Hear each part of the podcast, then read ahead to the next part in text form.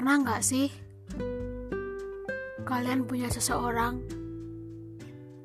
yang bertahun-tahun selalu kalian banggakan? Selalu kalian jadikan motivator, penyemangat, guru, ustadz, semua hal-hal baik selalu melekat kepadanya.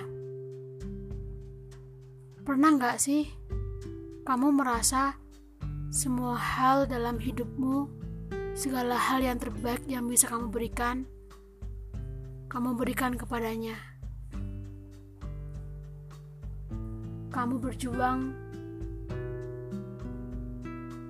kamu berjuang setiap hari,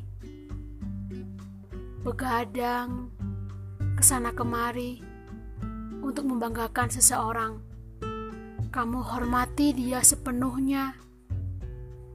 Kamu hormati dia seakan-akan dialah satu-satunya laki-laki yang tidak ada lagi laki-laki sebaik dia. Dan ternyata semua itu palsu. Dia akhirnya sama seperti laki-laki pada umumnya. Pengkhianat, pengecut, dan yang hanya berani di belakang saja.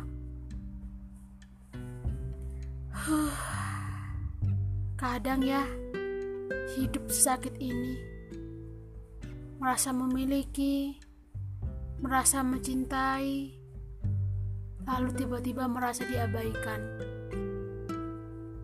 Ternyata